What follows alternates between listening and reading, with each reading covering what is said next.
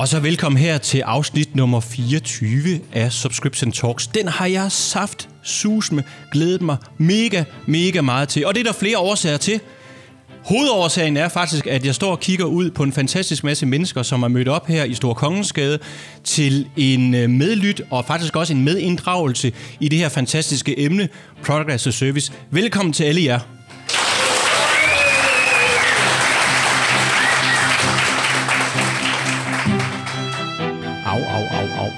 Så, øh, så stiger forventningerne da øh, helt, helt absurd meget godt. Og det er også godt nok, fordi at jeg har store forventninger til min øh, medvært. Og det er jo, øh, det er jo dig, Christoffer Gerulf. Velkommen til. Jo, tak skal du have. Du er jo seniorkonsulent her i Subscribe. Og øh, lige så snart vi skal innovere noget som helst, så er det, vi kigger sådan lidt håbefuldt over på dig. Øh, og, og tænker, den skal nok gå, altså, trods alt, fordi det har du faktisk en del erfaringer med. Det kommer vi ind på, Christoffer.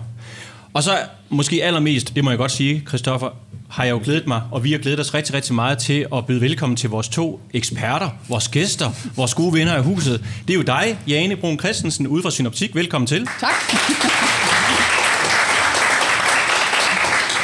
Og så er det dig, Kim Gervin, fra, ude over fra, fra Dukaland, over fra Søften. Hvor ligger Søften? Det ligger nord for Aarhus. Velkommen til dig, Kim. Mange tak. Vi kommer til, Kim, og, øh, og, og, og, og svinge lidt rundt omkring. Nogle gange så siger vi Duka, og så siger vi nogle gange My Way, og så siger vi Duka, My Way. Det får du altså lige lov til at skulle forklare lige om lidt, fordi det har jo givet lidt øh, spørgsmål, også i vores invitation. Hvorfor at vi skriver begge dele? Vi kender godt det der du, Duka, mange af os, men vi kender ikke det der My Way. Det kommer vi lige tilbage til. Synoptik, det har vi sådan nogenlunde nogen styr på. Og så dog alligevel, jeg kom lige til at stå og kigge ned på mit eget manus. Det er kommet ud i a 3. Og, øh, og, og det ved jeg ikke rigtig, Jane. Jeg abonnerer jo faktisk på, på briller over hos, hos jer, og jeg ved ikke, om mit læsefelt det lige skal have en tur i maskinen. Og der er det jo heldige, hvis jeg sådan lige må sige det og lave lidt reklame, at lige så snart øh, der er problemer med synet, jamen altså, så er det jo bare et spørgsmål om ikke at printe øh, udelukkende i A3, men at faktisk komme ned og besøge jer og få, få styr på det. Det er jo en del af det, jeg abonnerer på. Yes. Lad os komme godt i gang. Og vanen tro, så må I meget gerne lige hurtigt præsentere jer selv, og også præsentere jeres yndlingsabonnement. Og vi starter hos dig, Jane. Velkommen Ja, til. tak. Igen, du har jo været Tak. med for nogle afsnit siden, Ja. men øh, vi kunne ikke få nok, så øh, vi er nødt til lige at invitere dig igen nu, når vi skal tale omkring Product as a Service. Mm-hmm. Men øh, hvem er du? Kan du ikke lige... Hvem er jeg? Ja. Jamen, øh, jeg hedder Jane, og jeg arbejder i Synoptik som det, vi kalder Subscription and Loyalty Manager. Det vil sige, at jeg sidder i vores marketingafdeling og driver alt omkring vores øh, abonnementsforretning. Synoptik har jo haft kontaktlinseabonnementet i mange år, og nu har de så haft brilleabonnementet. Kommer vi lidt tilbage til det primært det, vi skal tale om i dag. Jeg har arbejdet med abonnementer i rigtig, rigtig mange år, og mange af jer, der sidder her, nogle af jer kender jeg fra tidligere. Jonas og Morten kender jeg fra Berlingske, så det har primært været mediebranchen, jeg har været. Så, øh, så nu har jeg taget springet over i en helt ny branche. Så jeg ved meget om abonnement, jeg ved ikke ret meget om retail, jeg ved ikke ret meget om briller, så Selvom du har læsefælder, vi kan godt snakke om det, så det er ikke der, mine kompetencer er. Men det her skal vi jo tale om i dag, det er det her med at omstille virksomhed med nye kompetencer ind i en retail-forretning. Mm-hmm. Øhm, så det er min umiddelbare baggrund. Og Jane, dit yndlingsabonnement. Ja. Du må ikke sige synoptik, og du må heller ikke sige det, du sagde sidst. Nå. Sidste gang sagde jeg Spotify, for der talte vi meget om det her med familieabonnementer og sådan Ja. nogle ting blandt andet. I dag tror jeg, jeg vil fremhæve øh, Hello Fresh, og jeg har egentlig ikke gjort mig så meget i måltidskasser, men det har jeg startet op på nu. men det jeg egentlig vil fremhæve med dem, det er faktisk deres, øh, som det I vil kalde her, abonnement 3.0, det her med at virkelig, virkelig fed fleksibilitet, de har. Inde på appen kan man bare melde til og fra, der er ikke nogen bindinger, du kan komme ud af det, du får en god, fin ting til at starte op på. og Sådan noget. Så, så det jeg vil fremhæve ved, det er faktisk deres, øh, deres evige fleksibilitet og den ting, de har gjort for kunderne øh, i deres abonnement. Ja. Ja, HelloFresh er et rigtig, rigtig godt eksempel. Jeg havde faktisk en sjov oplevelse. lidt. Det havde HelloFresh-abonnenterne for et stykke tid siden. Så havde de, jeg tror hen over den lidt mørke vinter, så medsendte de sådan et lille samtalekort mm. i deres uh, boks. okay. Jeg ved ikke, om du... Uh, Nej, nej, jeg var ikke der. Det kan være, Nej. det, det, at de kan være, det kommer, den. ja. Men altså det der med, at man jo ikke abonnerer på, på måltid, eller hvad mm. hedder det, fødevare, man abonnerer faktisk på et måltid. Og en del af et måltid, det er jo også, at man har noget samvær i familien, og har noget at samtale om. Så det der med, at de på en eller anden måde også omfavner, at, at vi skal samtale godt omkring det her stykke mad, vi nu har skal indtage. Det er, det er meget sjovt tænkt. Ja. Meget innovativt. Der var en anden lille rejse, et eller andet QR-kode, man kunne tage med på middel. Find, find inspiration til middelhavsmad mad eller noget den anden Ja. dag. Så det er den samme som nogle af de greb, de bruger Yes. til at involvere kunderne i det. Ja. Så det var Hello Fresh. Det var Fresh for at nævne en anden. Det er jo ikke Christoffer Product as a Nej. Service, men det kommer vi lige tilbage til, mm. hvorfor det ikke er det. For det er jo produkter i abonnement. Så, hmm. yes. Men det, der spørger vi lige eksperten, og det, som du så her er udnævnt til at, at være. Kim, Ja, hvem er du? Jamen øh, først så vil jeg gerne sige mange tak, Jonas og Christoffer, for at være med i jeres øh, podcast. Det er en stor ære. Jeg har været en ivrig lytter lige siden I startede det. Så selv lige at stå her, det synes jeg er et stort pres, for det har været dygtige folk, I har haft med hver gang. Men der skal jo være en tutor en gang imellem jo. Jeg hedder, det, jeg hedder Kim Gervin og er administrerende direktør og medejer af Duca Group. Og Duca Group har tre hovedbrands. Vi har Duca, øh, som er, er, er PC og PC-service til, hvad skal man sige, en ikke så træne målgruppe. Og så har vi Duca Tale, som er mobil mobiltelefons, eller mobilabonnementsselskab. Øh, og så har vi MyWay, som er det sidste nye skud som vi kommer tilbage til. Og der har jeg været i otte år og har været med til at lave mange af de ting, som inden for IT-branchen er relativt nyt. Og jeg vil også våge påstå, at MyWay er noget, som ingen har set i den branche før. Mm. Yes. Og hvad er dit yndlingsabonnement egentlig, Kim? Jamen, jeg har jo prøvet at lægge mig scenen for at finde noget, som ikke er blevet sagt før. Og øh, jeg vil så benytte lejligheden til at lave en lille smule reklame for en, en sport, som jeg går meget op i, som lider lige i tiden. Og det er squash. Øh, det har jeg dyrket i over 20 år. Og det koster 99 kroner om måneden på et abonnement, og jeg kan bruge banerne fra 6 til 23, syv dage om ugen. Og, og vi har faktisk så svært ved at få medlemmer i lang tid, og så kommer noget, der hedder paddle. Og de høvler ind med medlemmer, og det koster 300 kroner i timen. Øh, jeg forstår det simpelthen ikke. Øh, jeg synes, øh, jeg har selvfølgelig spillet paddle, men jeg ser misundeligt på dem. Og jeg har selvfølgelig ikke noget med, at folk spiller paddle. Men jeg kan ikke helt, jeg forstår det ikke. 99 kroner om måneden for squash øh, abonnement, ja. det er da fantastisk. Det, det, jeg skal lige høre, i det der squash-abonnement, følger der der reparation af væg med? Nej, ja, tak. Og også til at lige spørge om det, det er fordi første gang, vi møder Kim øh, for en del år siden og skal lave noget innovation på, på Duca Service, ja. så kommer du egentlig med en øh, sådan ret ødelagt arm eller skulder, eller hvad, hvad ja. var det var? Jamen, ja. jeg er, jeg er røgnet igennem en glasvæg, og... Øh, ja. Og øh, jeg har tænkt, hvis det havde været i USA, så havde jeg sikkert været millionær i dag. I, i, i, i min klub, der fik jeg bare skal ud af formanden. Og skulle være glad for, at jeg ikke skulle erstatte den. No. Så det var ikke så sjovt. Så en del af abonnementet, det var en snak med formanden? Ja, yes. men det er okay. nu mange år siden, det her, yes. vil jeg sige. Alright. Jeg vil dog sige, at nogle af mine medarbejdere, de var så så søde at hænge sådan i de der øh, sorte fugle på glasvæggen ind til kontoret. Åh oh, ja, yes.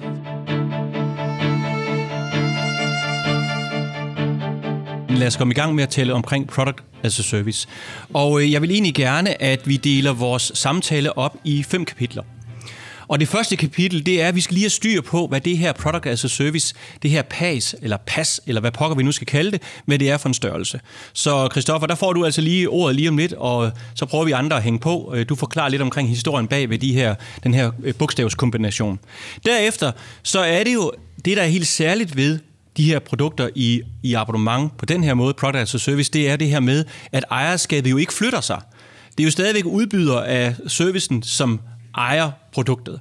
Så hele det her med from ownership to usership og hele den bevægelse. Men der kigger vi faktisk lige så meget over på forbrugerne. Hvordan kan det være, at øh, forbrugere, vi forbrugere, vi synes faktisk, det er meget fedt ikke at skulle tage det ejerskab på os. Det tager vi en snak om der. Det tredje kapitel, det er, hvordan innoverer vi egentlig et product as a service abonnement, et, et, et godt værditilbud. Der kigger vi ind på selve innovationen. Der går vi også lige ned og lægger forstørrelsesglasset ned over hele den her du præsenterede du i lige gået i luften med, med My Way, men det er jo sådan en helt dukfrisk innovation. Så der prøver vi at stille nogle spørgsmål ind til det, Kim. Så øh, er det jo også det her med, hvordan kommer man så godt i gang? Det kigger vi på. Det er jo sådan, at, øh, at når man har med nogle abonnenter at gøre, for eksempel på en computer, eller på en cykel, eller jeg er jo mega glad for mine vaskemaskiner og tørtumler hjemme, som jeg abonnerer på hos, hos Whitehorn, der betaler jeg for eksempel sådan en, en tørtumle 159 kroner hvordan pokker får de det til at hænge sammen over i deres geschæft? Fordi at øh, de har sikkert betalt noget up front ude hos Bosch, eller hvor pokker de har købt den fra. Så hele det der økonomiske, hele det der forretningsmæssige, hvordan pokker kommer man godt i gang øh, med sådan et, øh, et abonnement, sådan en abonnementstype. Og til aller, aller sidst, så er der nogle særlige øh, områder, bemærker vi, Christoffer, omkring det at organisere sig inden for det her product as a service, og i det hele taget organisere sig på en hensigtsmæssig måde i en abonnementsforretning. Så det, det slutter vi af med. Er I med på det? Mm. Godt. Og øh, så skal jeg lige sige til alle jer lytter, jeg sagde jo, da jeg lige introducerede jer, at, øh, eller ikke lytter, faktisk jeg tilskuer, at øh, I har faktisk, hvis I vil, en medlevende rolle, fordi hvis I har lyst til at melde noget som helst ind af spørgsmål, så kører vi det sådan lidt, øh, lidt moderne, ikke ved, at I rækker hånden op, og jeg så skal ud med en mikrofon osv., osv., men ved, at I via jeres mobiltelefon faktisk kan scanne den her QR-kode. I kan øh, logge jer på, der hvor I så kommer hen, der kommer ind i sådan en tjeneste, og der kan I simpelthen bare stille spørgsmål. Og de spørgsmål, de kommer op på min skærm, og så har jeg sådan et halvt øje på, hvad I gerne vil spørge om. Så i afslutningen af hvert kapitel, der har I faktisk ordet, hvis jeg har begæret spørgsmål til panelet. Christoffer, Yes. Det her product as a service, hvad er det egentlig for noget? Hvad er historien? Kan du ikke komme med en eller anden art definition, så vi lige har styr på det? Jo, det vil jeg meget gerne. Øhm, men først vil jeg faktisk lige starte et andet sted. Ja. Øh, fordi vi snakkede om PAS. Det har jeg valgt at kalde det. Øhm, men jeg kunne egentlig godt tænke mig at starte lidt øh, hos øh, en af forfædrene til PAS, nemlig SAS. Og ikke SAS, men SAS.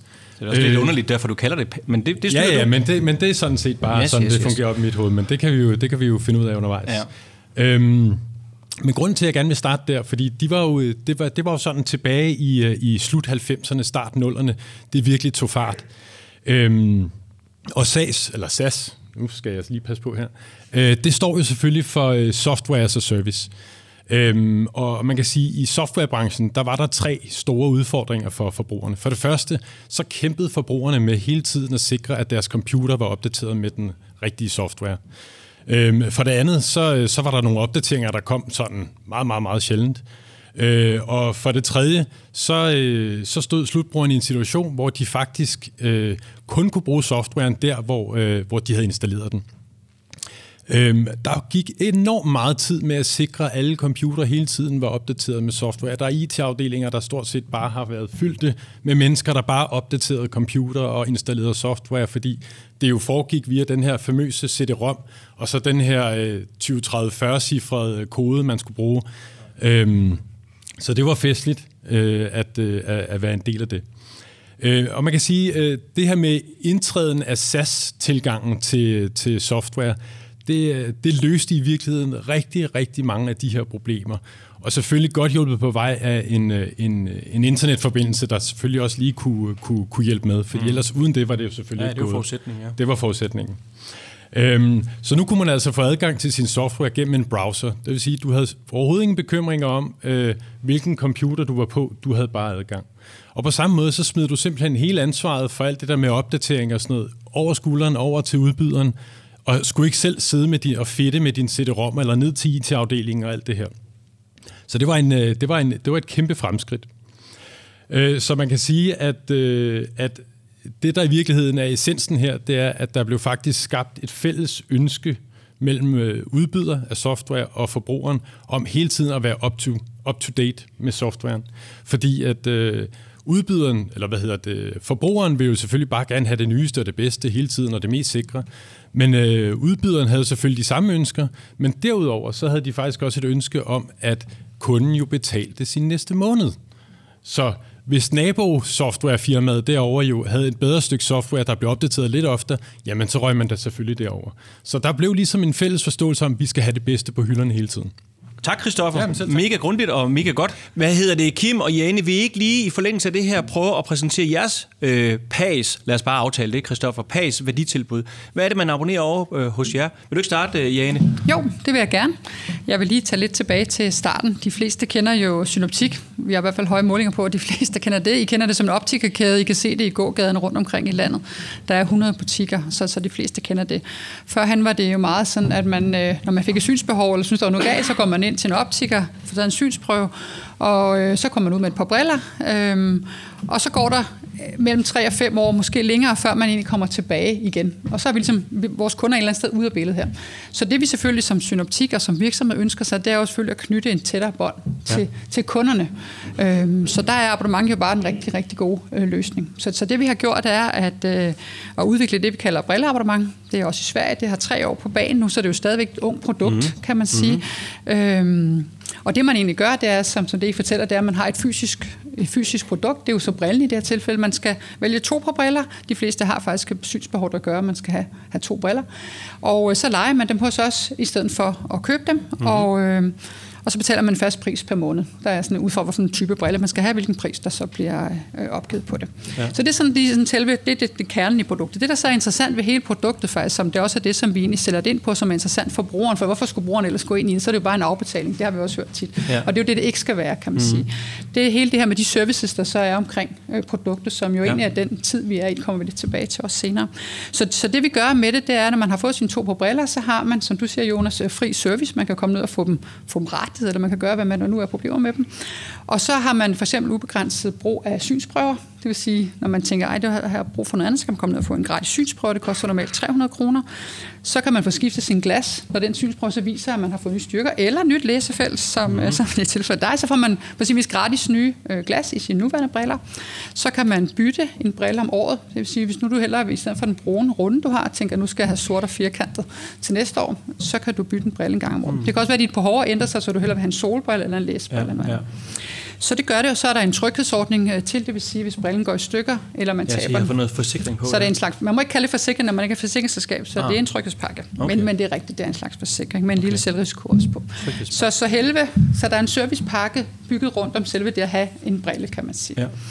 Øhm, Hvad er det nu, I kalder det? Altså, det er jo, ja, man abonnerer jo ikke på briller. Ja. Nej, vi, er, vi, vil, vi vil gerne have, at man ikke abonnerer på briller. Vi, man abonnerer på det bedste syn. Ja. Så vi har ligesom taget den her vision as a service. Kan ja. så nu skal vi ikke blande flere begreber ind i det. Men, men med det her med, at det er når det er ja. i koncern.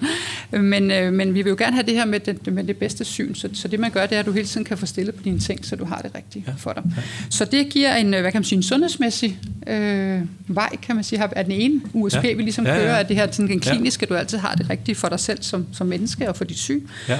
Øh, og den anden vej er lidt den her økonomiske tryghed, som man altid kender sit budget. Man skal ikke ud og lægge en stor indgangsudgift. Mm-hmm. Briller kan jo godt koste op til omkring 10.000 kroner for for sådan flere stykker briller. Ja. Så, øhm, så der er ingen Der er faktisk, Jane, undskyld lige afbryde, der er faktisk i den, i den sammenhæng ret godt spørgsmål ude fra, fra mm. salen af, fordi kan I se i jer, hos jer, at folk de vælger dyre briller, altså shopper lidt op? Det kan også være, at man køber dyre glas, eller mm. man får... Altså der sker jo i hvert fald det, man skal jo i hvert fald have to briller med ja. sig. I starten var det jo tre, kan jeg huske. Ja, i starten var det tre, og det har vi sat ned, for det var alligevel lidt for svært. Der var for mange, der ikke ligesom synes den tredje brille var relevant, og det er noget, vi kan også komme tilbage til. Hvis ikke det er relevant for brugeren, for abonnenten, så opsiger abonnenten abonnementet. Ja. Så, så det er et af de ting, vi har stillet på, netop så man skal vælge to på briller. Ja. Vi kan se, at man typisk vælger den ene brille, Øh, man kan sige, du spurgte mig, om den var dyre. Man kan sige, man vælger jo en som en, sin hovedbrille, ja. og der vælger man en, en, en, en dyre brille, hvor nummer to brille er måske en lidt billigere en. Men, men for os er det jo en basket size, så man har fået to briller med, ja. i stedet for, for en ja. brille. Ikke? Ja. Så der er faktisk en shoppen op. Så der er en shoppen op, ja, Væsentligt. kan man godt sige. Ja. Ja. Og så kan man sige, så vil der nogen, der vil ændre behov, så vil de vælge en anden brille. Det kan være, den er dyr, det kan være, den er billig, men den fleksibilitet skal vi jo have ja, ja. fra begge sider, både fra ja. virksomheden og hos kunden. Ja. Ja. Alright, det er synoptik. Mm. Hvad med over ja. dig, Kim? Hvad abonnerer man på, når man abonnerer på Duka og MyWay? Ja, men øh, som sagt, vi, øh, vi øh, startede faktisk i 2018 allerede med at lave, på det tidspunkt kaldte vi det et hardware as service abonnement i, i Duka. Og i Duka, der abonnerer man på en computer, en ny computer, som er sat op fuldstændig fra starten af med alle de programmer, man skal bruge. Fordi jeg er med på, at, SAS-løsningen gjorde det nemt for mange, især hvis man vidste noget om det i forvejen.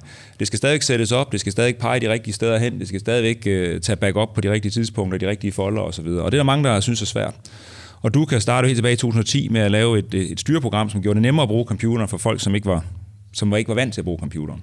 Efterhånden, som folk er blevet vant til at bruge computer, har vi bare bygget videre på den idé med at, hvad hedder det, at tage nogle af de andre ydelser, antivirusprogrammer, backup-programmer og IT-support, altså for private.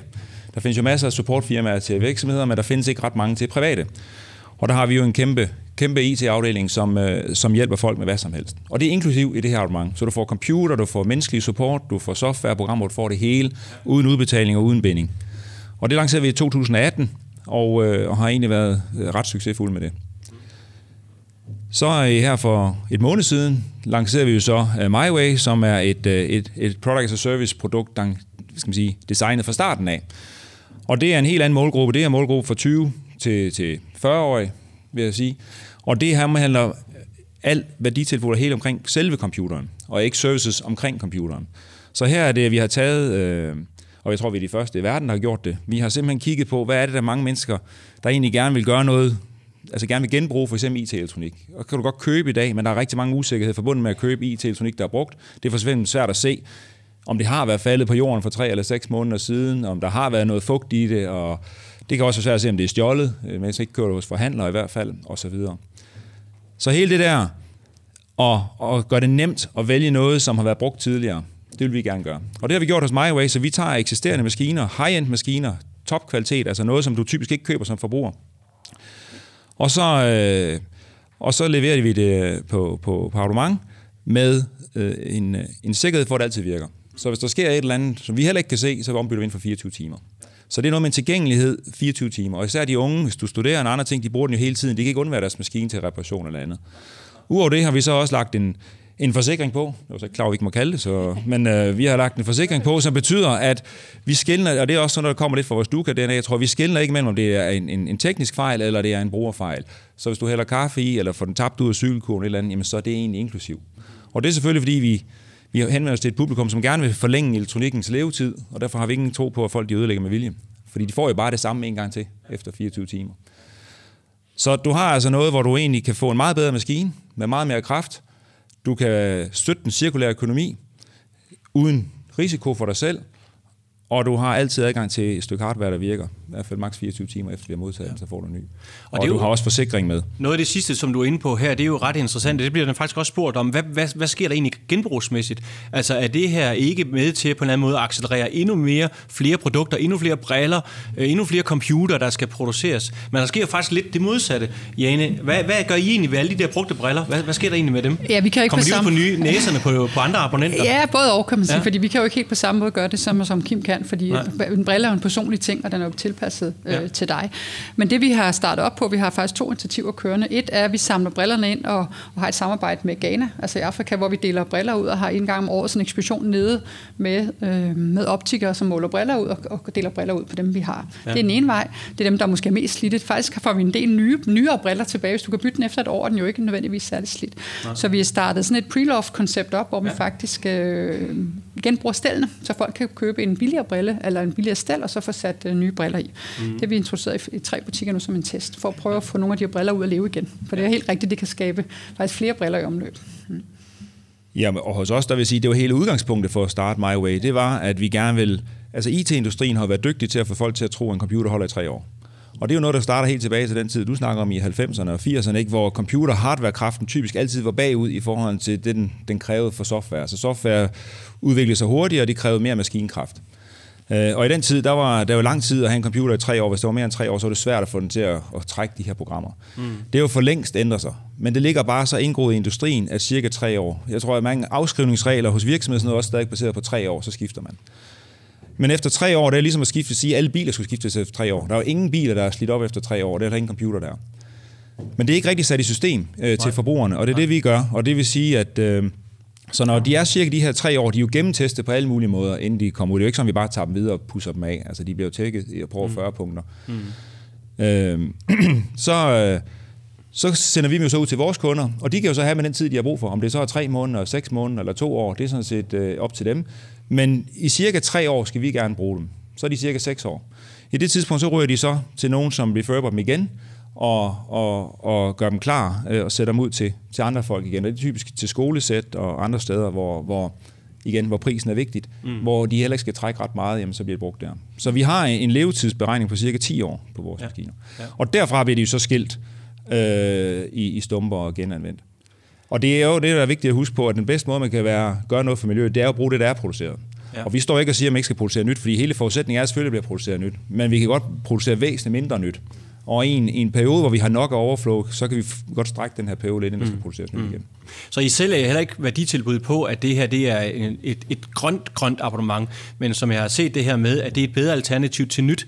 Altså på en eller anden måde snige, eller hvad kan man sige, alligevel i tale sætte øh, det her bæredygtighedselement i os. Ja, vi, vi bruger udtrykket et bedre alternativ til køb og et bedre alternativ til nyt. Ja. Øh, og det er jo selvfølgelig både fordi, at man, det er ikke Altså ideen kommer af, at vi gerne vil gøre noget, der var kigge på alle de her gode maskiner, der ikke blev brugt, og gøre ja. det på en bekvem måde. Og selvfølgelig ja. fordi vi kunne se, at branchen i sig selv gør det ikke. Altså de handler meget konservativt. Ja. Øhm, Øh, nummer to, det der med, at man skal passe på med at kalde noget grønt og blive beskyldt for alt muligt, så vi vil hellere underspille det. Vi føler faktisk, at det er ekstremt grønt, men det er jo ikke sådan, at alt, der er til mindste detalje, vi kan stå på mål på, og derfor mm. så er vi lidt tilbageholdende med det. Ja. Så vi bruger ordet et bedre alternativ til, øh, til nyt, og et bedre alternativ til køb. Ja.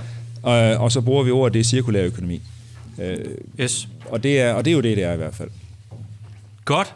Inden vi lige springer til kapitel nummer to, så lige en, en teknisk ting her. Jeg står sådan i et hjørne, hvor det runger helt vildt, når Kim taler. Gør I også? Øh, runger det helt vildt? Så vi gør altså lige det, Kenneth, at vi slukker for den der soundbox, for det er den, der driller, tror jeg. Øh, og så, så taler vi højt og tydeligt, således at jeg er nede på bagerste række. Ej, det var dejligt. Ja, altså, det, det er det med soundbox. Det er til... Nå, den kan vi tage en anden gang. Øhm, godt. Hvad hedder det? Vi skal over til kapitel nummer to. Og øh, kapitel nummer to, det handler om, og vi er jo allerede trådt, trådt ind i det, og du introducerede det sådan set også, Christoffer, da du udfordrede mig på det lige før, jeg kunne huske det. Men det er kapitel nummer to omkring det her from ownership to usership. Så tager vi også lidt springet fra jer og ud til forbrugerne. Fordi det, der er lidt interessant, det er, Altså, hvordan kan det være, at forbrugerne de faktisk synes, det er meget fedt at ikke at skulle eje? Kan vi ikke lige prøve at tage en samtale om det? Hvad tænker du omkring det, Christoffer? Altså, hvorfor, hvorfor er det, at forbrugerne egentlig er med på den her galej? Ja, altså... Vil man ikke gerne eje sin egen bil og sin egen computer og sine egne briller? Altså? Jo, men, øh, men, men ja, og ja, det, det kan godt være nogle gange. Øh, men grunden til, at man i bund og grund gerne vil, vil gøre det her, det er jo fordi, man kan få lov at smide alle sine bekymringer lige derover og placere dem der, og ikke skulle bekymre sig om det. Altså, jeg, jeg ejer min bil, øh, men, men jeg er da rimelig sikker på, at jeg godt kunne finde på at lease den næste. Og det er simpelthen fordi, jeg kan ikke lige overskue det der med, åh, hvad nu værdien af den om, øh, om x antal år, og alle de her sådan services check og alt det her, der passer det mig ekstremt godt bare at kunne placere det der derovre. Øhm, og sådan har jeg det egentlig med, med, med rigtig mange ting. Øh, men jeg må også være ærlig at sige, jeg vægter det også sådan lidt over for mig selv. Sådan, jeg, jeg, jeg, jeg tænker også stadig lidt sådan business casen op i hovedet. Men i virkeligheden, så, så er det ret svært at sætte kroner og øre på, på bekymringer. Øhm, så i virkeligheden, så tror jeg, det handler om, øh, der hvor ens bekymringer er størst, det er egentlig der, hvor man godt kunne tænke sig at, at, at, at, at abonnere frem for at, at eje. Mm. Hvad, hvad oplever I øh, hos jer, Jane? Altså, hvor, hvor, altså, kan du sige noget omkring sådan cirka, hvor stor en procent, der vælger abonnement frem for, for transaktion, altså købe dem sådan bare cirka? Jeg kan, cirka? jeg kan sådan cirka, cirka. Jeg kan i hvert fald ja, sige, at det har været stigende. Øh, nej, vi siger det ikke til nogen. Øh, det, jeg kan i hvert fald sige, at det har været, været stigende hen over, eller hen over den tid, vi har haft det, ja. over de tre år, kan man sige. Øhm, og flere og flere vælger det. Og det tror jeg også har noget at gøre med, at markedet har været moden, for jeg tror, som Kristoffer siger, vi har også skulle vende os til, øh, hov, nu skal jeg lege noget frem for at eje. Det, mange har en sådan grundtanke, jeg vil hellere eje mine ting, jeg vil eje min bolig, jeg vil eje min bil og sådan noget ting. Og pas på det, og ja, ikke ja, ja, så kan jeg selv gøre det. Ja. Og, og, og, egentlig lige frisk med briller, der er det jo en meget, meget personlig ting, så der tror jeg egentlig, man tænker, jeg skal da eje min brille, det er der, det er der noget lidt mærkeligt at lege. Så, så, så, det vi bliver nødt til at tale om her, det er, at, at, at det er de, her, de her services omkring det, der hører til. Fordi folk kommer ind og mm. tror, de skal købe en brille og eje den selv, men når de så får det her værditilbud omkring det, så er det, de byder ind øh, apropos det med prisen også, i at sige, at det koster mig noget hver måned at have den ubekymrede ting. Det er ikke noget, der er bøvlet. Jeg kan, jeg kan få de her ting øh, med. Øhm, det er vist ikke løgn, hvis jeg siger, at vi er omkring en tredjedel, der, der vælger et abonnement. Ja, øh, ja det er alligevel utroligt. Ja. Ja. Mm. Ja. Jeg tror også, vi skal holde for øje her, at der er jo meget, folk har meget forskellige motivationer. Ja. Øh, og jeg tror også, man skal holde for øje, at man har abonnementer, hvor der er et værditilfud i abonnementet, som du ikke kan få i transaktion. Ja. Der er en kæmpe forskel. Altså vi har jo, i vores abonnement er der jo ting, du ikke kan få i transaktion. For eksempel hos Duka, der er jo fuld garanti al den tid, du har abonnementet. Så lige meget hvor gammel, så det med, hvor gammel den er om efter to års forbrug, ja, ja, ja. det, er, det er du ude over. Ja. Det er du ikke, hvis du køber den. Du kan stadig godt købe den i Duka. Mm. Det kan du ikke i MyWay. Uh, I MyWay er det jo selvfølgelig især det her med, jamen det, for, det har afholdt folk for at købe brugt IT-udstyr, fordi der er en masse usikkerhed. Den fjerner du fuldstændig. Ja. Så er der også noget med alder at gøre. Altså, vi er jo nogen, der er vokset op i en alder, hvor det der med at eje ting, og jo mere ting vi havde, jo mere prestige, og ligesom vi gælder om at skrave ting til sig. Mm-hmm. Den unge generation, det er så også derfor mig, hvor jeg er henvendt med primær målgruppe på de 20-30-årige. Nu kan vi så bare se, at der er mange ældre, der også, eller 40 også synes er fedt, ikke? Men, men det starter egentlig med 20-30. Tak for det. Og det er jo, øh, og det er jo simpelthen, de er jo vokset op med at se ulemmerne ved at eje ting. Ja. Når ting falder meget i pris, øh, finanskrise og andre ting, ikke? og hele den der usikkerhed. Og så er der selvfølgelig også noget med, at vi har mange flere behov. Øh, altså, da vi var yngre, ikke? nu er vi ikke så gamle, vi bare legede med en kæp, men det er da lige før, ikke også? Altså, man kan sige, man vil gerne have en fed cykel, man vil gerne stadig på café, man vil stadig gerne på weekendtur, selvom man er studerende, man vil gerne stadigvæk kunne komme rundt og, og alle mulige ting. Så det er jo også noget med, hvor langt pengene de rækker. Mm. Og hvis du skal spare op til hver alting, hver gang du skal have en, så skal du vente i lang tid. Mm. Hvor med de her mange løsninger, så kan du egentlig få adgang til mange ting for de samme rådighedsbeløb. Øh, og men, det, men hvis det, man sådan lige skal være djævelens advokat, også nede i jeres brillebutik, altså man sidder der og bliver præsenteret, og man ved godt, okay, så fik jeg så lige glidende overgang, og så fik jeg lige de der øh, glas lavet af et eller andet, som ikke kan gå i stykker, og så fik jeg lige det stil, jeg gerne vil have, den designer osv. osv. Det er jo, så er vi godt forbi de 10.000 kroner, ikke? og så skulle jeg også lige have et par solbriller. Altså, er det egentlig ikke bare, ærligt talt, Jane, at øh, det er også måden for folk, de overhovedet kan komme øh, ud af døren med de briller, de gerne vil have? Altså, det som Kim siger, det økonomiske incitament. Øh, og, man, og man som forbruger tænker kortsigtet, og det udnytter virksomhederne. Jo, man kan sige, nu har vi jo så en trappemodel, så, det, så hvis du vælger den helt dyre brille, så mm. får du også en højere øh, pris per måned, kan man ja. sige. Så det skal man jo tage stilling til. Ja. Og jeg vil så også om at sige, at vi, vi, øh, vi sælger jo det heller ikke til alderen, hvad nu sagde jeg så tallet øh, lidt før, men, men, men det, der er vigtigt, det er, at vi går virkelig ind i, hvilken behov kunden har. Ja. Fordi brilleabonnement er ikke godt for alle, og vi er faktisk lidt i en modsatte situation på målgruppen, for det er klart, at de unge er mere tændte på abonnement i dag, Ja. ja. men de er faktisk ikke den bedste målgruppe for os, Aha. fordi de har et mere simpelt øh, brillebehov. De skal ikke have skiftet deres briller lige så vel som, som, som ofte som, vi, som, som, som også skal. Øh, Glasene øh, så derfor er det måske Ja. bedre for dem bare at købe en almi- almindelig brille, eller mange Ja. har også kontaktlinser Ja. i den gruppe. Ja. Så det er faktisk mere sådan nogle som os, som har et behov for at få skiftet dem ofte, for synsprøver ofte, synet ændrer sig, så vi går egentlig meget ud af at få solgt det til det rigtige kunde. Ja. Ja. For ellers, så, så, derfor har vi stadig en cash-forretning kørende og en abonnementsforretning kørende. Ja. Og det er ikke nødvendigvis, at alle skal have et abonnement. Men, men øh, Jonas, jeg er nødt til lige at anholde det, du siger, om det ikke bare er udnyt. Øh, ja. Du skal huske på, hvis det kun er et spørgsmål, man ikke har penge, så har der findes, fundet, fandtes afbetalingsløsninger i 100 år til skyhøje renter. Ja. I en abonnementsforretning er der jo ikke indregnet skyhøje renter, øh, fordi hele abonnementsmodellen bygger jo på, at folk er glade ved at blive der. Især Ja. når der ingen binding er. Ja. Hvorimod hvis du har købt til en kviklån, så er der jo bundet på hænder og fødder, og du betaler høj rente. Ikke? Så der udnytter man jo, at folk ikke har penge. Ja, det Her er det fuldstændig et frit valg, og, øh, og, og i det øjeblik, du har penge til de her, øh, den her maskine, men du så ikke har penge om tre måneder, fordi der sker et eller andet, jamen, så kan du bare komme af med den. Så der er ingen udnyttelse der, vil jeg sige, øh, Mm. overhovedet. Hele her from ownership to usership, du er lidt inde på det, Kim, er det er I måske begge to. Er det måske øh, i forhold til sådan den, en, en- den, den grønne agenda, øh, og det her med, at vi ikke skal masseproducere, altså parentes bemærke, kan jeg jo lige sige det, da vi begyndte at arbejde med jer, Kim, så jeg var ved at falde ned af stolen, da jeg hørte, at hvor mange computer er det i Danmark producerer om året, altså for at holde holde, så at sige, røven op på, på danske computerforbrug. Hvor mange computer er det, vi konsumerer om året? Jamen, det er cirka en million i Danmark. Det er jo helt vanvittigt, mm. ikke? at vi skal bruge en million. Og især hvis, hvis de har sådan en levetid på omkring de 10 år, så er det jo, det er jo et misbrug. Ikke? Det er et overforbrug. Altså er det her en genvej, altså en, en forretningsmæssig model, som ikke er født som en grøn model? Det, det, så heldig er den jo ikke. Men er det her en genvej, tror I, til at vi faktisk, at det er måden at få forbrugerne til faktisk at, at ville anskaffe sig, eller have adgang til at forbruge brugte varer og produkter? Altså, Hvad det er tænker jo- du, Kim? Jamen, det var det, vi så jo. Altså, man ja. kan sige, der findes jo, der er jo, altså, noget, det er jo noget, man ikke hører så tit om, men Danmark er faktisk ret gode til at have hele de her refurbished abonnementer på computer. Eller ikke abonnementer, men øh, fabrikker og virksomheder, som har specialiseret sig i det, hvor de sælger til hele Europa. Øh, Og det kan jo noget at gøre med, at vi har et, et højt øh, niveau af maskiner, og vi skifter dem hurtigt, og vi har mange osv., ikke? så der er faktisk meget at tage af. Mm-hmm. Men, men det er da helt klart en genvej. Der findes jo efterhånden de sidste par år, er der dukket mange op, som vil sælge det, man kalder refurbished maskiner. Ja. Men, men det er jo igen den traditionelle tank, du skal købe og sælge, og hele ejer bøvlet skifter. Ja, og det er jo det, vi ja. kunne se i vores markedsundersøgelse med mere end 3.000 svar, inden vi gik i gang, at det, der faktisk holdt folk fra at købe, det var ikke tanken om at have noget, der været brugt før, det var tanken om, at hvad er det nu lige, det er med det. Og man kan ikke Ja. se det på det, Nej. øh, om- som jeg var inde på tidligere. Så jeg er ikke i tvivl om, det, at det er en kæmpe genvej ja. til at, Ja. at få flere folk til at Så gøre tør det. man måske faktisk godt, når det er jer, der stadigvæk har ejerskabet af det, og, og tage ansvar for det, og, øh, og kaste sig ud i at købe, eller abonnere på et Ja, plus du så får noget mere, ikke? Altså en af vores maskiner, vi har til 299, den vi kalder My Power, øh, den, den koster 28.000, inklusive moms for ny. Ja. Ikke? Det er der jo ikke nogen, der går ned og køber i Elgiganten, vel? Nej. Øh, privat, i hvert fald de færreste. Så du får også adgang til noget helt andet. Ja. Øh, så du, Og så svarer du faktisk også på et spørgsmål, fordi sætter I, sætter I abonnementspriserne i forhold til nyt brugt? Altså, altså er der taget højde for det, eller, eller hvad? øh, ja og nej, fordi du, den er jo ikke sat efter, den, den har kostet 28.000. Den, er, der er jo også, men det er nok lidt mere sat efter, hvad er den værd efter tre år. Jamen, så, så sætter du den også efter brugtværdien, kan man sige. Ja, det gør vi. Ja. Men, men det er jo også, øh, der er jo også meget i forhold til, øh, der er jo også indregnet, ligesom med billeasing, er der også indregnet en gensalgsværdi ind i det. For en af måderne, vi kommer tilbage til omkring økonomien, jamen det er, at du er nødt til også at have en gensalgsværdi i den maskine, der kommer ja. tilbage. Ja. Så, så du er egentlig, forbrugeren i princippet kun skal med til at finansiere mellemvejen fra den, hvad den koster, da vi købte den, og til det gensalgsværdien, så det er det stykke imellem, Ja. prisen Ja. bliver beregnet på. Ja. Og så er der det andet element, det her med, som du var inde på, altså det er jo de her services rundt om produktet, som sådan set er det levende element i, i de her ting her. Kan I ikke lige prøve at bare lige, bare lige gentage måske, altså hvad er det for nogle services, der er gode og relevante at have med i omkring det, med, når man abonnerer på produkter, mm. som her?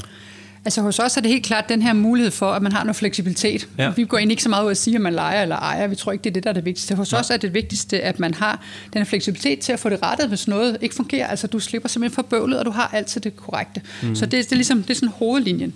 Det, der så er den helt den store værdi i det her abonnement, det er det øjeblik, du skal have nye glas i dine briller, hvor du Ja. ja. netop har valgt nogle Ja. ja. dyre glas, så kan du gå ned og få skiftet dem uden øh, beregning. Ja. Så nogen har jo også stillet os det spørgsmål, det stillede du mig sidste gang, Jonas, det er, er det ikke bare, hvis jeg nu regner det tilbage over to år, så er det så ikke en dyr løsning for mig med det her briller abonnement. Jo, det er det, hvis du ikke har brugt nogen services overhovedet, ja. så vil det være det. Ja. Så hvis man i det øjeblik, man tager en eller to synsprøver med for skiftet et glas, eller man har valgt en ny brille, så er det en rigtig god forretning. Så man skal købe ind på de services, der er ja. omkring det. Ja. Så det, det handler om, hvis man skal starte op med et abonnement på et produkt, så handler det om at finde de services, der er naturlige for, for produktet og for abonnementet. Ja. For det er det, kunden skal byde ind i. Ja.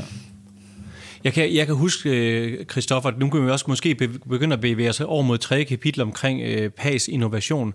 Men, men øh, noget af det, som, som er, er super interessant, det er det her med, hvis man på en eller anden måde kan få øje på, også som du siger i markedsundersøgelserne, få øje på, hvad er det for nogle pains og gains, der er ude på, på, på, på forbrugersiden? Hvad er det egentlig, vi gerne vil fortløbende abonnere på? Og, øh, og hele det her med tryghedspakken. Altså, vi vil jo vildt gerne abonnere på tryghed. Altså, jeg kan, huske, øh, jeg kan huske, da vi innoverede til Dansk Hørecenter, og jeg har brugt eksemplet mange gange, men øh, jeg, det, jeg er helt utrættelig omkring det eksempel. Jeg kan huske, at cirka, var det 6 eller 7 ud af 10 i, i forbrugerundersøgelsen, har virkelig en bekymring omkring, åh oh nej, taber jeg nu min hørelse så meget, at jeg skal til at anskaffe mig et nyt høreapparat til mellem 10 og 15.000 kroner. Det var der en kæmpe bekymring omkring. Så derfor det der med, at vi i abonnementet faktisk introducerede sådan en tryghedspakke, at hvis du taber hørelsen så meget, så, byt, så tager vi den på vores skuldre. Det sker kun for 3%. Men de fleste var faktisk bekymrede for det. Og det er jo en måde også, hvis vi sådan skal være forretningsorienteret, men det er jo en måde at på en eller anden måde paketere nogle, nogle altså komme nogle bekymringer øh, til livs ved at, at lave nogle forsikringsordninger, eksempelvis i det her øh, tilfælde, og engagere nogle forsikringsselskaber. Der bliver jo samarbejdet med nogle forsikringsselskaber her. I er jo ikke selv forsikringsselskab, men... Øh, jo, eller, det er vi faktisk. Nå, det er I så. Vi, det er vi faktisk. Eller, vi er jo netop ikke et forsikringsselskab, og derfor kan vi jo ikke kalde det en forsikring, men vi er jo en tryghedspakke, så vi leverer jo okay, selv den nye ydelse, kunden skal have. Så ja. når du har tabt din brille, så må vi jo levere dig en ny, ja. hvis, øh, hvis det er det, der er tilfældet ja. mod en. Så vi er sådan set vores eget, vores eget tryghedspakke. Ja. Så vi har valgt ikke at gøre det sammen med et forsikringsselskab. Ja, ja og der, men der er du også inde på noget, der er virkelig svært, og det er jo det, der fordi tryghed, det er jo mange ting for forskellige. Ja. Og, og det kan hurtigt blive sådan en meget stereotyp udtryk, som bare siger tryghed, så, og så kan man, der kan godt ligge lidt noget, man kommer til at betragte sine kunder som svage, og det er det overhovedet ikke. Øh, og i DUK kan vi jo rigtig kendt på det, fordi vi arbejder meget med en, øh, en ældre målgruppe. Og for tryghed for dem er jo, at der ikke kommer hackere på deres computer, og de kan komme adgang til e-boks, og der er nogen, de kan spørge, når de har brug for det. Ja. Det er jo slet ikke det, der er tryghed for MyWay-kunder. For tryghed for MyWay-kunder, det er jamen det her med, at de ikke pludselig har investeret noget, som så er forsvundet, ja. øh, eller går i stykker, eller de får selv får fjumret i den, og så står der og har en kæmpe udgift. Altså, det, er, mm. det er jo den tryghed. Ja. Så det er to vidt forskellige ting, men det er jo stadig noget omkring tryghed. Ja. Men det er et farligt ord at bruge, øh, fordi man, øh, det er de færreste, som selv beskriver sig, som de har brug for tryghed i den forstand. Det er noget, man tænker på med en husforsikring, og, altså øh, brand og sådan noget. Mm. Så det er, så det er nogle af de der ting, men at man skal, man skal vække så godt om i sin marketingtekst, hvad for nogle ord man bruger. Ja, Jane? Jamen, jeg vil bare lige så kunne uh, sige, uh, i forlængelse af det, er også tryghed er jo heller ikke hos os, den her tryghedspakke med forsikring. Det er, egentlig, det er egentlig ikke så stor en del af det. Det får folk jo med. Men trygheden i det her er mere den, den kliniske vej, det her med, med ja. sundheden omkring ens øjne, ja. kan man sige. Så det er jo også tryghed. Det er jo forskellige ting. Det er lidt det ja, samme ja. som høreapparatseksemplet. Ikke? Så, mm. så der giver man i folk en tryghed i altid at have det, have det bedste syn. Mm. Ja. Mm. Jamen, det er jo en god overgang, Christoffer, til, altså, hvordan innoverer man egentlig sådan noget paseri? Ja, ja. Jamen, jeg sad lige og tænkte på det, da du sagde det, Kim, at øh, det her med, at øh, tryghed er to forskellige ting, fordi det var egentlig sådan... Ja, mindst i hvert fald. Det, ja, ja, flere ting. Men øh, da, vi, da vi gik i gang med øh, og, og havde dialog med jer, mm. så noget af det første, vi snakkede om, det var, hvad, hvad er tryghed, og hvad er service egentlig for den målgruppe, I oprindeligt havde med Duca-brandet, og hvordan skulle tryghed og service se ud for, i, et, i et nyt setup. Og det var egentlig nogle af de snakke, vi, øh, vi sådan, øh, og dogmer, som vi satte op for os selv, som, øh, som egentlig blev, øh, blev, blev ret skældsættende for, hvordan hele, hele abonnementet blev, blev sat op. Øhm, så jeg, jeg kan huske, vi, vi byggede sådan nogle, netop de her dogmer op. Der var en 3-4 stykker, og det her, det var, det var et af hoveddogmerne for, for, for processen. Øhm, og så havde vi egentlig, og Kim, du byder jo bare ind. Ja, ja. Men altså, så havde vi egentlig sådan en, øh, en, en, ret, øh, en ret spændende øh, øh, workshop. En innovationsworkshop kaldte vi det. Ikke fordi, at innovationen skete der. Det var selvfølgelig noget, der skete over lang tid. Men, men det var ligesom sådan et, et, et, et lidt skældsættende øjeblik, hvor vi havde inviteret nogle, øh, nogle rigtig dygtige, det vi kalder lead users ind i, øh, i, øh, her på, på adressen, og hvor vi egentlig, det var simpelthen, det er simpelthen øh, mennesker i sådan rimelig målgruppen, som er simpelthen øh, lever og ånder for at tænke i øh, kreative, sjove baner og startups og alt det her. Så det var simpelthen mindsetet, vi havde brug for. Så de kom simpelthen ind, og vi øh, gav en introduktion og de her dogmer her, og, og så gik vi ellers bare i gang med at sketche og tegne og alt det her. Og det kom der altså en to-tre rigtig skarpe øh, hvad hedder det, koncepter ud af, som vi, øh, som, vi, øh, som vi så arbejdede videre til to øh, koncepter, og som vi så egentlig lavede en ret fed øh, øh, test, en, øh, en øh, hvad hedder sådan en... Øh, Fake door test? Fake door test, lige præcis. Test, eller hvad test, ja. ja. Whatever. I mean, ja. fake door ja. test, hvor vi, øh, hvor vi simpelthen nærmest lancerede i gåsøjne øh, produktet, men så selvfølgelig sluttede af med at sige, øh, vi er ikke i luften endnu, men kunne du tænke dig at, at høre mere? Ja, fordi der blev faktisk bygget to sæt hjemmesider. Øh, det var growth team, der gjorde det, ikke? To ja. sæt hjemmesider, og hele vejen ned igennem trakten, lige indtil man faktisk uh, trykkede uh, bestilt, så kom der sådan en kedelig skærm op. Altså, vi er stadigvæk i gang med at træne, så... Ja, det er jo vigtigt at sige, det var jo alt sammen en del af fase 1. Det var jo sådan set bare for at bevise, at der var et marked for det her. Fordi selve MyWay og hele det univers blev først skabt i fase 2 bagefter. Det gik vi først i gang med helt øh, altså forbundet af, og da vi vidste, vi, eller ikke vidste, men vi havde en god fornemmelse af, at vi havde fat i noget. Så det var interessant. Så alt det der arbejde gik jo forud. Mm-hmm. Øhm, men ja, så havde vi jo så også øh, de over 3.000 øh, spørgsmål, som vi arbejdede ud fra, ikke? og for at finde ud af, hvad det er det egentlig, folk de, de gerne de er interesseret i. Og, øh, og der kom det helt frem, at tryghed lå ikke i omkring computeren. Der var ikke folk, der var utrygge ved at bruge en nej, computer nej. i den her målgruppe overhovedet.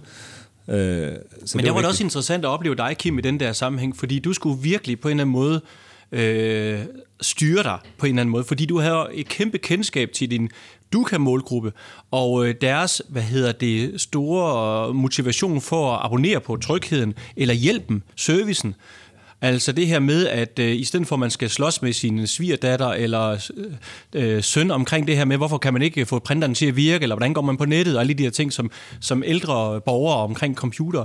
Jamen altså, det var slet ikke nogen bekymring hos de unge forbrugere. Altså, der går man bare og det var, ud og googler. Altså. Og det var jo med til at bevise, at vi var 100% udefra ind og lå os frit gå, for når man har sidder i, i kontor, hvor hele omdrejningspunkter, det er service, og det er i midten af hele bygningen, og der er 600 kald om dagen for folk, der har problemer, så er det svært at tro på, at der er nogen, der siger, at der ikke er problemer. Øh, for det kan vi jo se hele tiden, der er. Ja. Men det er klart, og det, men der var vi jo helt fuldstændig tro mod den, øh, de svar, vi hele tiden fik, og arbejde videre på dem, og sige, jamen det har 20-30 år ikke. Øh, de vil i hvert fald aldrig nogensinde betale for, at der kan ringe og spørge nogen. De Nej. googler og så videre, og det ved man jo også. Nu har jeg jo selv børn af altså det er jo ikke sådan, at det var på den måde chok. Så det ikke være værdiskabende på dem, og det på den måde skilte med, at så kan man altid ringe og sådan noget. Det, det vil man faktisk ikke betale for. Nej, man kunne få noget mere for pengene. Det betyder ja. noget, og det ja. tror jeg, det er en dansk ting generelt. Altså, ja. kan man få noget mere for pengene, så vil man gerne det. Ja. Også øh, hvis man så kan gå lidt på kompromis, om man er ny ja. eller ej. Ja. Øh, og i det sammenhæng kan man jo også sige, at det er også spændende at se, hvordan folk, om de er PC-brugere eller Mac-brugere, for det skal lige sige, at MyWay har vi jo både PC og Mac, ja. og vi bruger fællesbetegnelsen computer. Øh, men, men der er jo også to store grupper der i forhold til, hvad det ene er, og hvad det andet er, og, ja, ja. og hvad der er pænt, og hvad der ikke er pænt. Det kunne man have mange sjove diskussioner om, men ja, det er måske en helt ja, anden snak. Ja. Ja, hvordan arbejder I egentlig med innovation? Nu har I jo været i gang en tre års tid, ikke også? Men altså, øh, jeg hæftede mig ved, sidst vi øh, samtalte om det, I er jo faktisk fortløbende altså fortløbende abonnerer, eller innoverer jo sådan set jeres abonnement. Altså, hvordan foregår det ude i synoptikbutikken eller fabrikken? Jamen, det foregår på den måde, man kan sige, at vi har egentlig ikke ændret så meget i selve abonnementet på de tre år, der har været. Vi har skiftet lidt i det her fra tre til to. Øh, et par briller har vi i hvert fald kunne se en ting, så det har vi valgt at ændre. Det er jo sådan mest i, i den økonomiske forretningsmodel, man kan, man kan se noget der, og så er det godt for brugeren. Vi har fået flere abonnenter ind og flere bedre levetid på de kunder. Så det har vi ændret. Øh, så vil jeg sige, så det vi bruger meget tid med, det jeg bruger meget min tid på, det er at, at kigge ind i data og sige, hvad er det for nogle kunder, der, der opsiger deres abonnement, og er det fordi, de ikke har brugt deres services det kan jeg så svare, ja, det er det. Og, og hvorfor nogle kunder, der bliver her længst, hvad er det, de er glade for, så vi på en eller anden måde får en mere fornemmelse af, øh, hvor er det for nogle services-tilbud, der skal være omkring det her abonnement, som er bedst, kan man sige. Så, så jeg vil slå et slag for, at man skal ikke, det, det kan være lidt sådan en, apropos abonnement 0, 2, hvad kalder vi det, 1,0 og 3,0. Mm. Mm. Man skal ikke være bange for, om folk bruger deres services. Man skal simpelthen få alle dem til at bruge så mange services ja. som muligt, selvom ja. det koster os som virksomhed noget. Det er lige også. Det er lige ja. præcis lige i det, ja. fordi hvis ikke de bruger det, kan vi tydeligt se, så tørner man ud, fordi så synes man jo, at abonnementet er for dyrt, hvis ikke man bruger de ting, man har, Ja, har tænkt. ja. Så, så vi innoverer meget i forhold til at sige, at vi skal, så det er ikke kun at innovere på produktet, vi innoverer også i den måde i vores tilgang til kunderne. Vi har jo været en retail-forretning, så nu er vi jo en, også en, en fastholdelsesfabrik, kan man sige, eller en Ja. ja. abonnementsforretning, og derfor skal vi innovere den måde, vi, øh, vi har en kunderelation øh, på, kan man Men sige. hvordan arbejder I så med at få aktiveret kunderne til at bruge de her services? Fordi ja. Ja. man, altså... Ja, ja, hvordan gør I det? Fordi, Jamen det vi gør, det er, og det har vi ikke gjort i starten, øh, kan man sige, men det gør vi mere af nu. Man kan sige, at vi har et, et, et det, man kalder et onboarding CRM-program, det vil sige, at kunderne får nogle mails i begyndelsen. Selvfølgelig, vores butik er jo en kæmpe del af det i begyndelsen, at kunden skal komme ned og få rettet brillerne til, for at komme i gang med det. Så har vi bygget et helt, det, øh, altså et trigger flow op på e-mail, som gør, at når du udløser en, nu kan du bytte din brille, så får du en mail, der siger, tillykke, der er gået 12 måneder, nu kan du faktisk bytte din første brille. Mm. Så det er meget vigtigt at prøve at få aktiveret de her ting. Vi Ja. prøver også at sende en mail til dem, der faktisk har fået skiftet brillen og sige, vi håber, du er glad for dine nye briller. Og ligesom få Ja. dem til at forstå, at det har været en stor værdi for dem Ja. at få en ny brille som en del af deres abonnement. Ja. Så vi arbejder meget med at hele tiden have en dialog. Det værste, der kan ske, det er jo bare, at de går hjem med deres briller, så ser vi dem ikke igen, indtil Ja. de finder ud af, hold, nu har jeg godt nok betalt mange penge for den Ja. brille. Ja. Så vi har jo en interesse i at få en meget, meget tættere relation. Så det her innoverer vi enormt meget på. Ja. Så det synes jeg også er innovation i den her sammenhæng, hvordan man Ja. ja. tilgår sin, øh, sin kunderelation. Ja. Hvad med, hvad, hvad med hos jer, Kim? Hvordan tilsikrer I, at de der services, de bliver bragt i spil? Jeg tænker sådan nogle gange omkring det her med product as a service. Altså, det er de der services, der er det levende i abonnementet. Det er jo det, der, der hele tiden... Altså, og det er jo der, relationen også bliver skabt, hvor produktet er lidt mere den døde ting. Øh, den, den endelige ting, hvor det er mere det uendelige ligger i services. Jamen altså, øh, det er også, der, der er forskellige måder. Nu har vi jo tre brands, øh, vi repræsenterer, ikke? og hvis du nu, nu ved jeg godt, at vi ikke skal tale om teleforretningen, bare for lige at slå et slag for det. Altså, når vi for eksempel opgraderer vores øh, datapakker, så opgraderer vi altid bagud også. Det tror jeg ikke, der er mange selskaber, der gør. Så folk de skal ikke ligesom selv opdage, at nu er der sket noget, jeg nu kan få mere for pengene. Ikke? Vi opgraderer altid bagud, og det er jo en Ja. fantastisk mulighed for at minde folk om, hvorfor de har de rigtige selskaber, nogen, der, der ikke er bare ude på at, at, at, at snyde dem. Ja.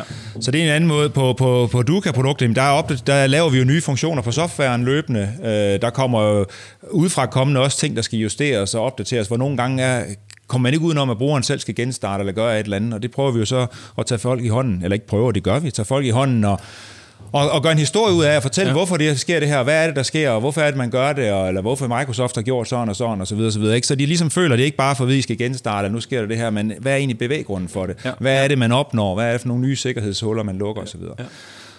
Øh, og på MyWay, det er, jo, øh, det er jo så helt nyt, men det vi har tænkt ind i starten, det er jo egentlig meget gerne, vi vil gerne være en bevægelse. Altså hvis det her det skal batte noget, så skal der volumen på, ellers ændrer vi jo ingenting. Og, og vi har jo slået det stort op og sige, at vi gerne vil ændre verden, øh, som man gør øh, i dag. Ikke? Og, og det, det starter jo med den måde, man får varen leveret på, fordi det er noget, der har været brugt før, skal det ikke være kedeligt, så vi har gjort rigtig meget ud af øh, on, uh, unboxing experience, og der ligger nogle fede ting i, der er nogle gode budskaber og sådan nogle ting, og dem vil vi ligesom prøve at følge op på øh, løbende i kommunikation med kunderne. Ja, så det er faktisk også hele det her med at skabe noget stickiness eller noget lim omkring den der bevægelse, og det der med det lille, hvad kan man sige, my way samfund, man kan lave med, at øh, vi, vi øh, lige så vel som de der øh, unge mennesker på blå cykler, jeg ved ikke, om de hilser på hinanden som buschauffører, men altså, men altså, men i hvert fald det her med, at vi er i, i fælles båd, der er måske i community noget fællesskab omkring det her. Det er i hvert fald vores vision, Ja.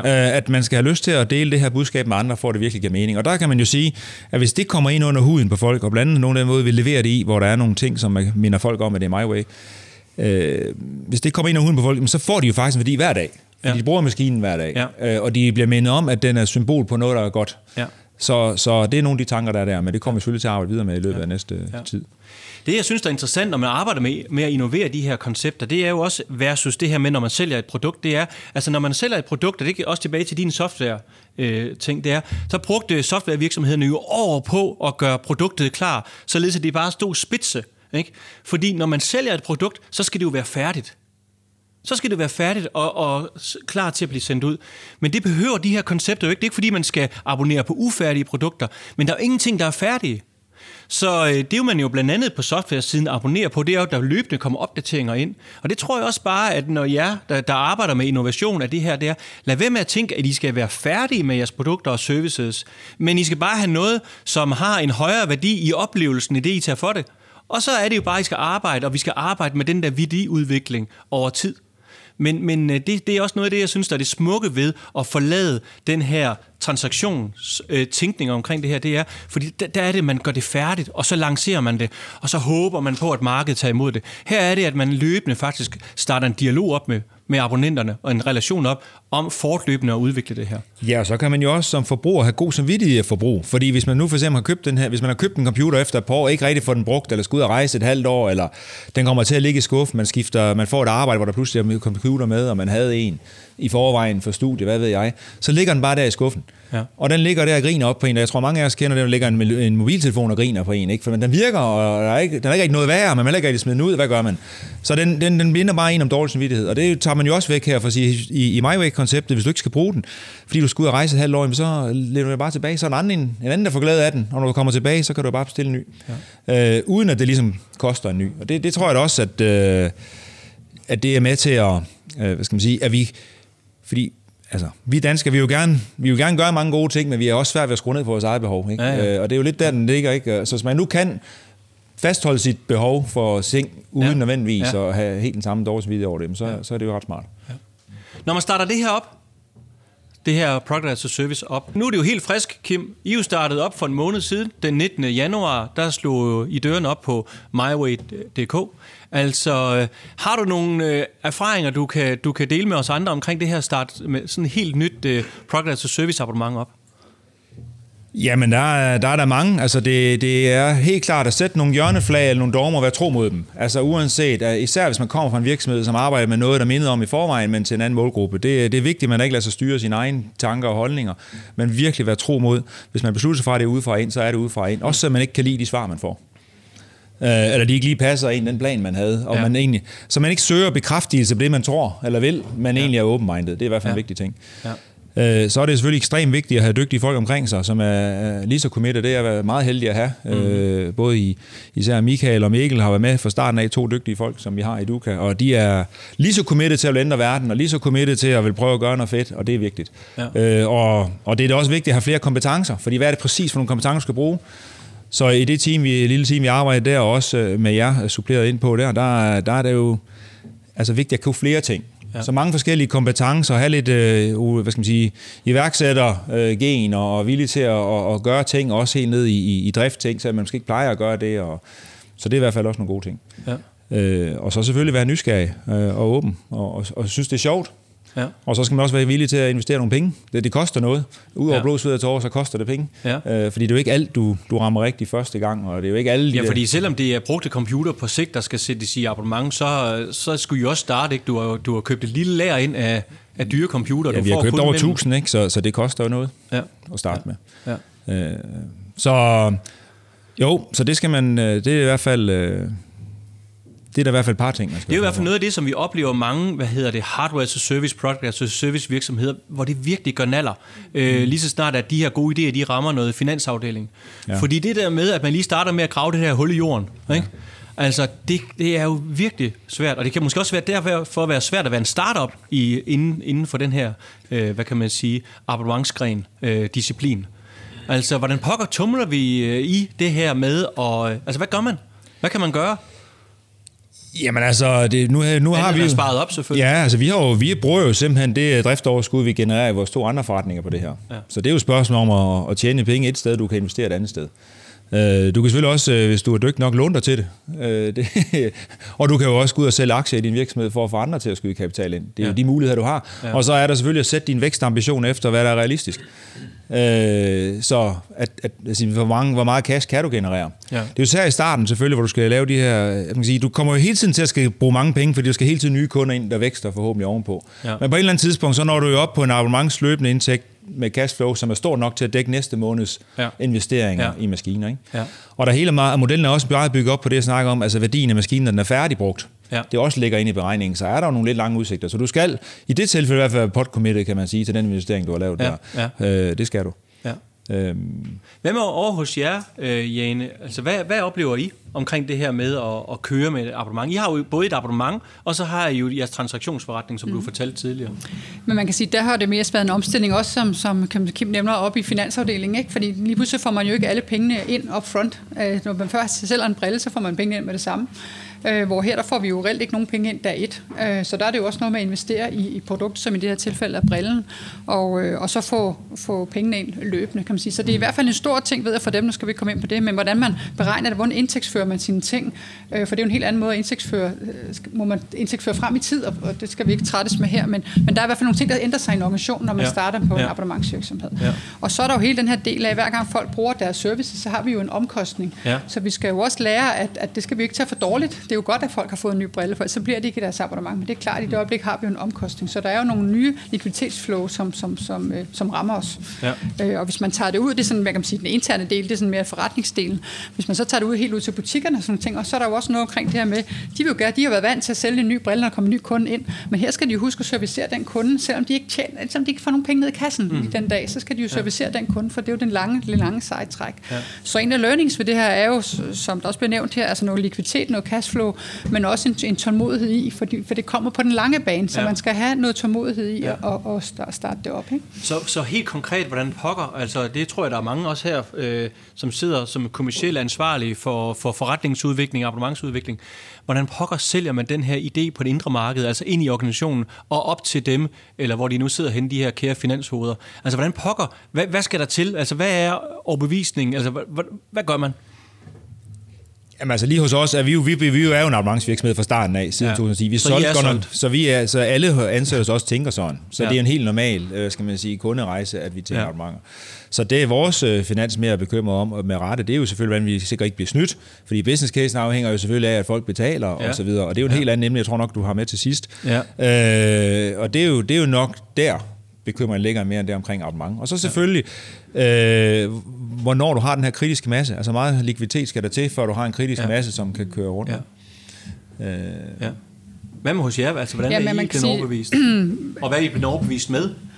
Jamen, du kan sige, jeg ikke været med helt fra start, men man kan sige, der har det jo også været meget en ledelsesting i den her. Vi vil jo gerne vil have været tættere på kunderne, så, så, så lave ja. den lange levetidsberegning har jo selvfølgelig været det, ja. der har været øh, ja. afgørende. En af de ting, vi, man kan tale om i den her sammenhæng, er jo også det, hvor meget skal man binde kunden ind i abonnement. Er det en god idé at binde kunden? Vi har en binding på 6 måneder, det siger, når man tegner abonnement, så er man bundet til først at kunne opsige det efter måned 6. Og det er jo selvfølgelig lidt sådan en, Øh, ja, det er lidt fæsen, det, er jo, det er jo lidt fæsen, ikke? Det er jo ikke abonnement 3.0. Jeg så jo helst, at vi var for uden den binding, kan ja. man sige. Men ja. det slår sig lidt for med finansafdelingen. Så det er ikke noget, kunderne efterspurgt, eller hvad siger Det er du? ikke noget, kunderne efterspurgt. Det er heller ikke noget, som, som abonnements hjerte, ja. man efterspørger. Men det er jo selvfølgelig en måde for at være sikker på at få nogle af pengene ind øh, ja. i en ting. For vi har jo alle tingene, hele servicen omkring det, alt det, vi starter kunden op, alle de omkostninger ligger der dag et, mm. så det er selvfølgelig en måde for, for folk til at blive i relationen et stykke tid. Ikke? Ja. Så, så det er jo også noget, det, man skal gøre med sig selv. Hvor fleksibel skal det her være kontra ja. økonomien i det? Ja, lige præcis. Mm. Men, men du siger det jo måske meget rigtigt det her med, at hvis man kan på de indre linjer demonstrere, og det kan man ret hurtigt, ja. øh, demonstrere en customer lifetime value, Øh, og det kan man faktisk måske allerede efter den første eller den anden transaktion, og begynde at tegne nogle churn-profiler op, frafaldsprofiler op,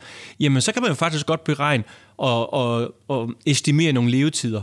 Og så kan man måske gå tilbage til sin finansafdeling og så sige, vi kan faktisk, vi har en kunde, nogle kunder, som faktisk er 2500 kroner hver i et eller andet perspektiv. Ikke? Altså det er helt afgørende, at man, at man tager den der hovedkopi fra en abonnementsforretning og får fra den i spil med det samme, og, og lader sig styre øh, og guide og motivere den. Ja. Det er jo noget, det, apropos at innovere det løbende, det er jo noget, man kan begynde ja. at kigge ind og sige, kan ja. vi gøre det her endnu mere fleksibelt, for så ja. kunden har en endnu bedre oplevelse af det fra, ja, lige. Fra nu er det ja. ikke et problem for os, de fleste skal godt forstå det, så, så på den måde er det ikke ja. et issue, men det, det kan man i hvert fald ja. tage med. Mm. Kim, I har været friske i, i, i jeres værditilbud, og I har sagt, jamen altså, I har været virkelig tro øh, målgruppens øh, ønsker og efterspørgsler, og der er ingen binding på. Ja, vi siger, vi, altså i, i Duka er der ingen binding overhovedet. Nej. Og i MyWay, der siger vi ingen binding efter 60 dage. Efter 60 dage. Og, øh, og det gør vi jo for at undgå det der short leasing. Folk skal lige bruge det en uge. De har lige en, en ja. festival, de har lige en eller anden øh, byfest, så skal de bruge en computer, 10 computer i en uge, ja. et eller andet lille vær. For sådan nogle virksomheder findes der jo, som laver sådan noget short leasing. Ja. Øh, og, det, og vi skal igennem hele møllen øh, klargøring, uanset om man har brugt en uge eller tre år bagefter. Ja. Så, ja. så det, det er vi ikke interesseret i. Så og, konceptet også bliver for dyrt for de andre? Det bliver alt for dyrt for de andre, ikke? Mm. Men vi bryder os ikke om at, at kalde det, fordi du er ikke tvunget til at have den. Vi siger bare ingen binding efter 60 dage. Så i teorien er der jo princippet 60 dages binding, kan du sige. Ja. Øh, det er marketing. Det er marketing. Men det er jo fordi, vi egentlig ikke vil have, vi vil ikke have fokus på, at det, her, det er en, en, det er en, øh, en livsstilsændring. Det er ikke bare, fordi jeg lige skal bruge en computer et måned eller to. Nej. Det er fordi, det nu vælger jeg at abonnere på computer ja, frem Så det er også en segmentering, ikke? Så det er en segmentering, og det ja. er et signal. Ja. Så de mennesker, vi gerne vil have fat i, for dem er det ligegyldigt. Mm. De har jo tænkt sig at beholde den i lang tid. Ja. Så, så det er derfor, vi bruger det udtryk ja. øh, i stedet for. Øh, Men, øh, men ellers for det beregning, så er det jo en lifetime value, vi opererer i, så hele vores business case er baseret på en lifetime value beregning. Og det er jo den, som vores finans holder os op imod. Holder, er de kunder lige så længe, som de ja. er? Har vi det svind, som vi regner med, eller lidt ja. større eller mindre osv. osv. Ja. Har vi de reparationsudgifter, for vi er jo selvfølgelig også budgetteret med mange, der går i stykker, og mange, der skal repareres, og mange, der får dem ødelagt øh, osv. Øh, og det er jo det, vi skal se på, om det holder. Ja. Ja. Så det er den, den lange bane. Yes. Hvad for nogle oplevelser, Kim, har I her i starten? Altså, der, det vælter jo ind med gode oplevelser, og måske også hårde oplevelser. Altså, den første måneds tid. Hvad, er der noget, der sådan har for, for, forundret dig, forbavset dig, eller for ja, omkring det her med at lancere sådan et uh, product as a service, som, som altså jeg, My Way? Jeg vil sige, at vi har jo virkelig fået meget attention på det. Også måske mere, end jeg havde regnet med. Altså både i, i, i, i masser af ros i forhold til udtrykket, design. Jeg håber selvfølgelig mange af jer, der lytter og kigger, går ind og kigger på MyWay.dk. Altså vi har jo lavet alt øh, med masser af dygtige folk øh, for jer også. Fra starten af, der er ikke noget stokfoto, der er ingenting. Alt har vi selv lavet. Universet, historien, narrativet, billeder, alting. Mm. Navn. Og det har vi fået rigtig, rigtig meget ros for. Og der har været meget, meget, meget stor søgning øh, på vores website. Ja. Vi har mange besøg, og vi har fået ekstremt mange ordre. Ja. Øh, virkelig mange. Og det, der så har overrasket mig, skal man sige, negativt, det er selvfølgelig også mange ordre, vi så ikke kan gå igennem. Vi, vi tjekker folk i RKI og andre steder for at se, om de har en betalingsevne. Ja inden man lige sender en... Slash villighed. Ja, villighed, ikke? Og, øh, og det er selvfølgelig, øh, vi vidste godt, fordi vi har jo noget erfaring med det, men i forhold til Educa-segmentet, så er det helt klart, det, det kommer hurtigt ud i de forkerte steder også. Ja øh, som nok er ligeglad med, hvad vi har brugt af historie og andre ting. Ja. det skal man lige vende sig til. Der bliver man lige sat en lille smule tilbage, fordi det, man, man skal bruge mere tid på at tjekke noget, man lige har regnet med. Ja.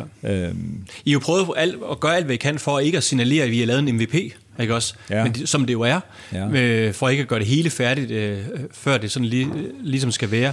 Men, men, men øh, et af de steder, hvor I har, for eksempel har hoppet over, og det, det retter I op på nu, det er, at man skal ikke lave sådan en øh, nem idé, øh, hvad kan man sige, godkendelsesproces, men det, det sker nu, for der er simpelthen for mange, der, Ja, der er altså lige vi, kreative nok. Det er jo en MVP forstået på den måde, at vi har brugt al vores krudt og fokus på det udadtil. Så det folk og kunder ser udadtil, det er igen det her udefra ind, det er 99 procent, som vi gerne vil have det. Ja.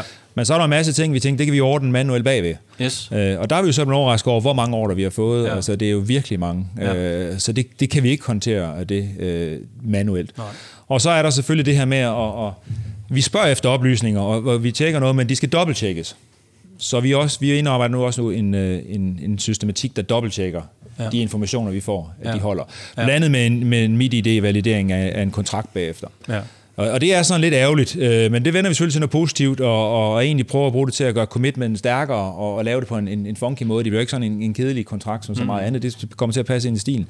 Men det er selvfølgelig at tjekke, at... Øh, at de CPR-numre, folk de opgiver også dem, der swiper deres MIDI-idé. Ja. Og det er de samme. Ja.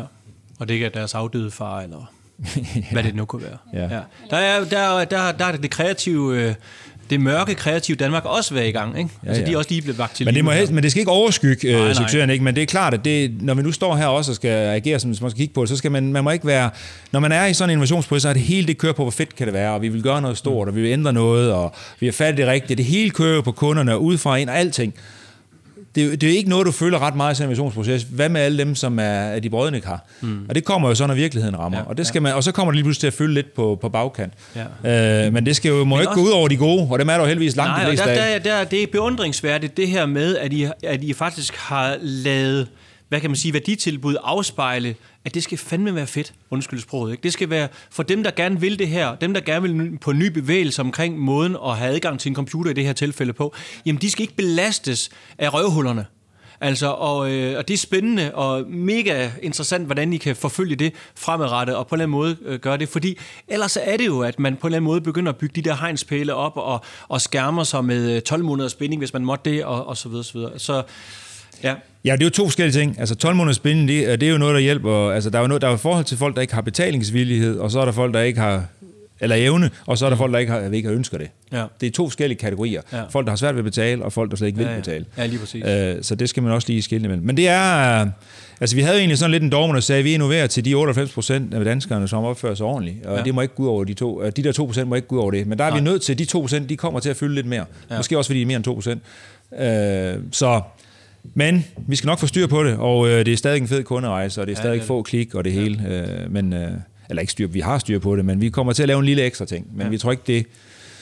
Her på falderæbet kan I ikke lige komme med nogle gode erfaringer, øh, også for dig, Christoffer, altså med nogle gode erfaringer omkring, hvordan organiserer vi os omkring det her med et product as a service? Altså, øh, hvis du lige bare lige øh, forlænger, Kim, altså, jeg synes nemlig, det er ret interessant, når jeg kommer og besøger jer øh, over i Søften, over øh, nord for Aarhus.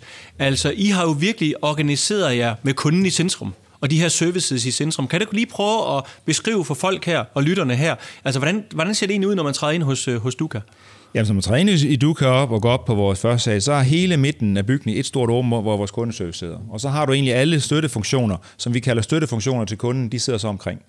Øh, og det vil sige, at øh, og der er en masse ting, der er lavet omkring øh, respekten omkring det arbejde, som man egentlig kan følge med uden at forstyrre. Øh, det er tydeligt at se, at medarbejderne de er i gang med at tale med kunder, de er i gang med efterbehandling, de er ledige, man må gå derhen, og der er en masse regler om, hvornår man må tale til folk osv. Så, videre. så der er alt der bygger op omkring respekten for de folk, der servicerer kunderne, så man ikke har nogen, der står og larmer bagved og sådan noget. Det er jo så i Duka. I MyWay, for at holde det adskilt, så har vi så gjort det et andet sted i bygningen, for at holde de to ting virkelig adskilt. Og der får ikke at blive farvet af det.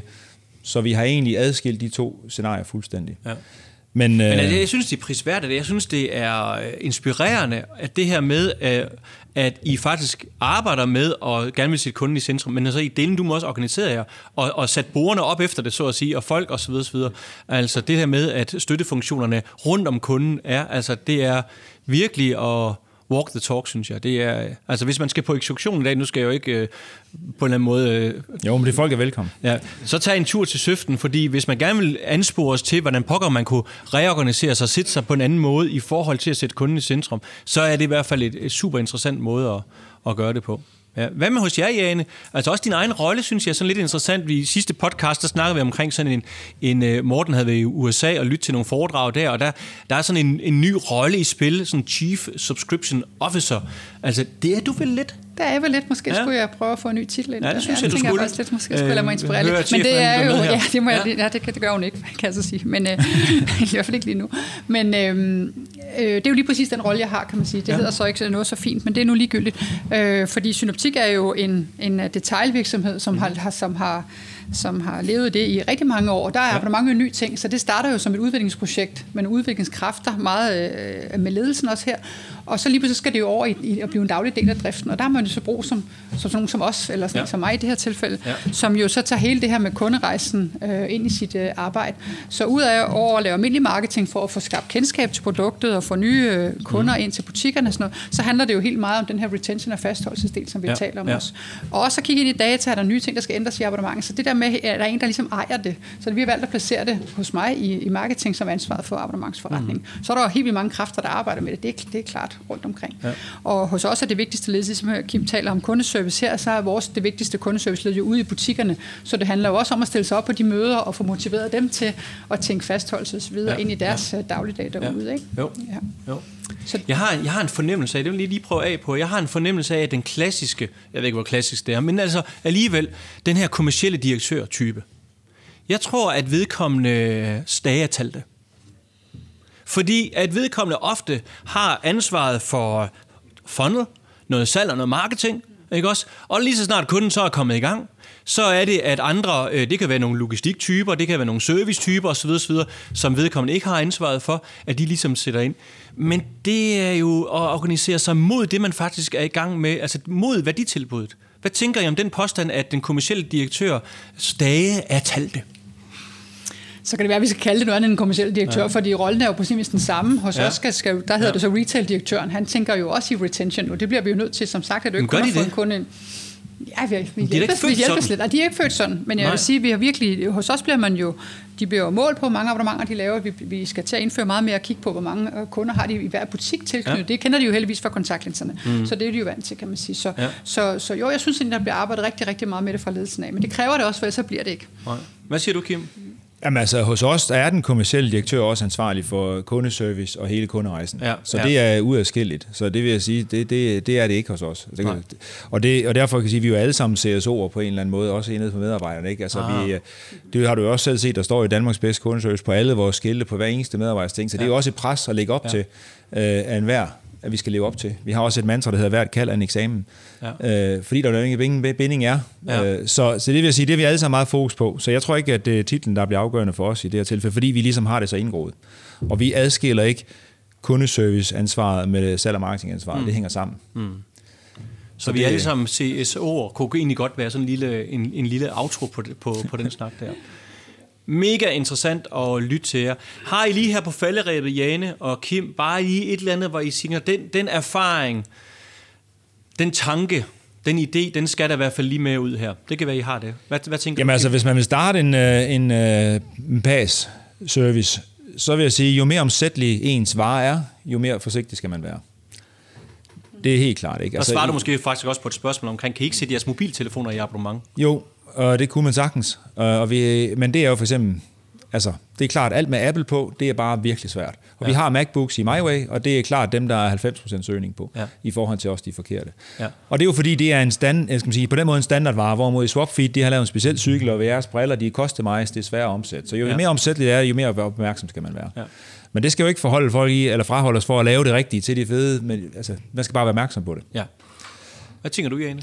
Jamen, jeg vil bare sige som afslutning, at værditilbud er absolut det vigtigste. Altså, bliv ved med at kigge på det, og bliv ved med at acceptere, at kunderne skal bruge de her fordele. Det, ja. det er virkelig de old, old news, det der med, at, at bare lade dem ligge og sove lidt, og så har du en god abonnementsforretning. Det, ja. det er virkelig det modsatte. Så tænk over, og også have økonomi til at, at drive de fordele, der ligger, og de services, der ligger i abonnement. Ja. For det er det, der gør den lange, den lange bane, og også det, der er sjovt at arbejde med det, synes jeg. Tusind tak, Kim, og tusind tak, Jane, fordi I vil bidrage med alle jeres erfaringer og al jeres viden. Tusind tak for det.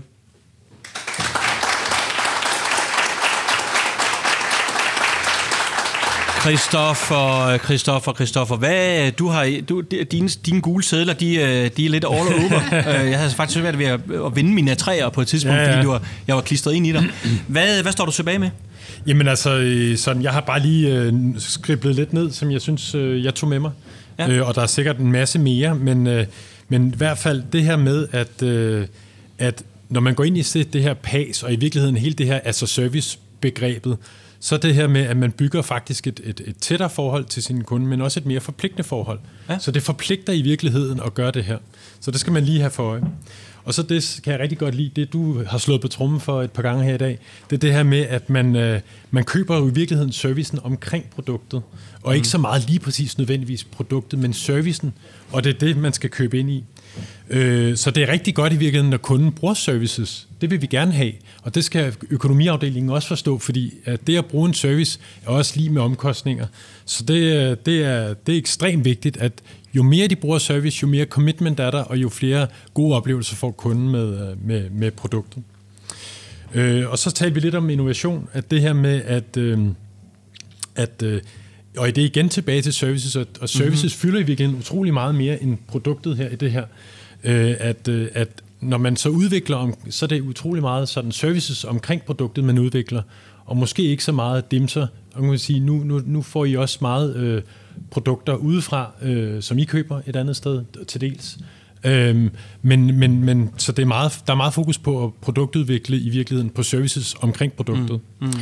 Og så den sidste lille, øh, lille, lille en, det er, det er egentlig bare, er, er CSO'en det nye sort?